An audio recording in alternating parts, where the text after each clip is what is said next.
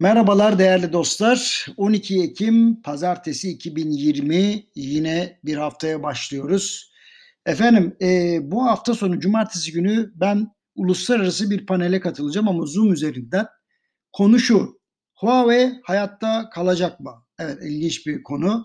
E, ABD ve Çin savaşlarının bence en önemli kısmını oluşturan bu Huawei meselesi hakikaten artık zirve yapmaya başladı. Şimdi paneli Kuzey Amerika'dan bir profesör, bir Çin uzmanı, bir tane Çinli teknoloji ve dijitalleşme uzmanı ve ben katılacağım. Meseleyi de üç başlıkta ele almayı planlıyoruz. Şöyle, Huawei bu sürecin üstesinden gelecek mi? İki, teknolojiye karşı güvensizliğin sebebi Huawei mi? Huawei'nin Çin hükümeti ya da istihbaratına bağlı çalıştığı iddiasının üstesinden nasıl gelinmeli? Şimdi bu tartışmaya vereceğim katkıyı düşünürken aklıma gelenleri de bir bir kağıdın üzerine yazmaya başladım. Açıkçası Amerika Birleşik Devletleri, Avustralya ve İngiltere haricinde Huawei yasaklamış bir ülke yok. Ancak firmanın yurt dışında en çok yatırımı olduğu ülkelerde bunlar. Geçen hafta hatırlarsanız Mike Pompeo bir açıklama yaptı ve Türkiye'yi tehdit etti. Yani Huawei ile çalışırsanız ha, görürsünüz vesaire diye. Şimdi bu gözlerden kaçmadı. Ancak enteresandır Doğu Avrupa ve MENA bölgesinde bu tip tehditleri pek aldıran yok. Eğer Amerikan hükümeti bir şey itiraz ediyorsa garanti karşı taraf doğru bir iş yapıyordur diye bir anlayış oluştu.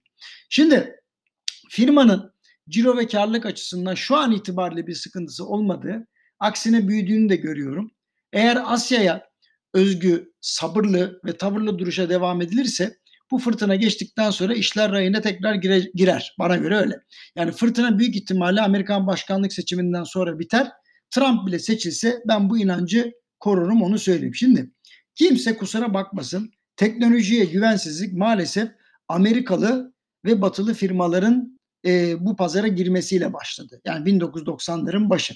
Oldukça yüksek fiyatlarla tam da işe yaramayan reçetelerle hem Türkiye'nin hem de bu bölgenin otomasyon kabiliyetinin yerinden sayması, yerinde saymasından başka bir işe yaramadılar. Hatırlıyorum ben Herkes acayip paralar ödeyip böyle otomasyona geçmeye çalışıyordu. Bir türlü olmuyordu.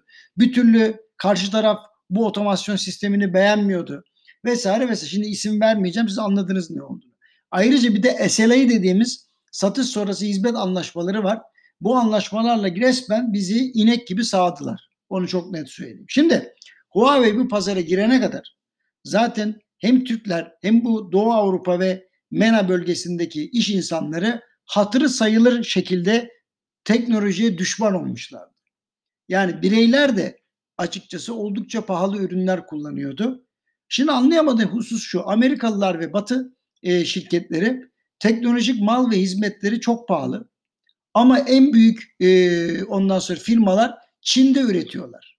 E nasıl oluyor bu yani? Hem Çin'de üretiyorlar hem hani rasyonel fiyatı üretiyorlar. Peki niye bunları pahalı satıyorlar? Açıkça söylemek gerekirse ben meselenin ne olduğunu anladım. Size de anlatayım. Şimdi başta Huawei olmak üzere uzak doğulu firmalar bu pazara girince Batı firmaları piyasa yapıcı olma özelliklerini kaybettiler. Teknoloji ihtiyacı olan şirketler daha mantıklı fiyatlarla daha garanti çözümlere ulaştılar. Türkiye'ye ziyaret yapan Amerikan Ticaret Bakanı Ross şunu dedi hatırlıyor musunuz? Türk firmalarının otomasyon kabiliyeti zayıf. Ne dedi herkes bir anda. Yahu 1980'ler 90'larda Amerikalı teknoloji firmalarına bu kadar para döktük. Hani zilyon dolarlar. E ne oldu? Yani onlar tekeldi. E peki ortada bir başarısızlık varsa bu başarısızlığı kim üstlenecek? Özetle değerli dostlar bu güvensizlik varsa yani teknolojiye karşı bunun sebebi Huawei değil, Çinliler hiç değil. Ya basbaya ondan sonra teknolojiyi ortaya çıkardığını iddia eden Batı firmaları. Şimdi son olarak şunu da söyleyeyim. Devleti temsilen birçok projede yer aldım. Eski bir devlet memuruyum. Diplomatik misyon görevi yapmış bir kişiyim. Dolayısıyla hangi kurumun devlete ya da istihbarat teşkilatına çalıştığını, askeriye çalıştığını yani muhakeme edecek kadar zekam var. Şimdi Shenzhen'e gittim. Geçen yıl pandemi başlamadan kampüsleri gezdim. Yani baktım ki Çin için değil dünya içinde çok önemli ve faydalı bir sivil çalışma modeli oluşturmuşlar. Adam şirketin hissesinin %99'unu gitmiş zaten personeline devretmiş. Yani bir kapitalist sistem içerisinde insancıl bir organizasyon oluşturmuş. Sürekli teknolojiye yatırım var vesaire vesaire. Şimdi sanıyorum Huawei'nin tek kusuru ki buna kusur demek çok ayıptır. Çin'de çıkmış ortaya. Ondan dolayı. Yani Çinli. Yani düşünsenize Huawei dünyanın en çok ARGE yatırımı yapan 5. teknoloji firması. Birçok Batı ülkesinin markasını falan geride bırakmış. E, bu kadar engellemeye rağmen finansal başarı devam ediyor. Teknoloji geliştirmede hız kesmiyor. Bunlar tamam. Yani çok acayip bir durum bu. Yani niye yani Çinli olması mı? Ancak bir Çinlilere karşı bir içe kapanıklık var. Yine de Huawei hani Çinlilere e, nazaran biraz daha dışarıya açık sosyal medya açısından ama e, bu markanın spor, sanat, kültür, müzik konusunda biraz daha atılım yapması lazım. Yani biliyorsunuz müzik piyasası Amerikalılar, Avustralyalılar ve İngilizler tarafından hegemonik bir şekilde ele alınmış. O zaman ne yapmak lazım? Yani bunlara rakip olmak yerine gel arkadaş, gel Amerikalı şarkıcı arkadaş, gel Avustralyalı, gel İngiliz. Biz sana bir yeni platform yapalım. Sen bu platform üzerinden müziklerini paylaş demek lazım. Yani soft power olmak sadece teknoloji geliştirmek değil, aynı zamanda bu işlere de girmek. Yani spor konusunda yüksek performans gösteren atletlere işte hangi spor dalıysa onları mutlaka daha da ileriye götürecek bazı aplikasyonlar, uygulamalar lazım. Şimdi niye bunları anlattım? Ben Batı'yı severim dostlar. Zaten görüyorsunuz paylaşımlarımdan. Ama Batı hayranı değilim. Böyle ağzım açık falan vay Batı'ya bak falan demiyorum. Doğu'yu da severim. Ama böyle güneş doğudan yükselir gibi hamasetlere ve safsatalara da kusura bakmayın karnım tok. Ben sonuca bakarım.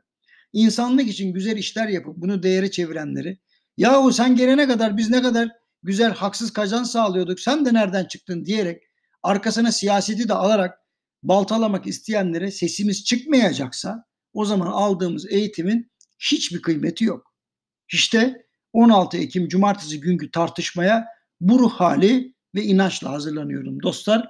Biraz uzun oldu kusura bakmayın içimi de dökmüş oldum. Hepinize hayırlı haftalar diliyorum.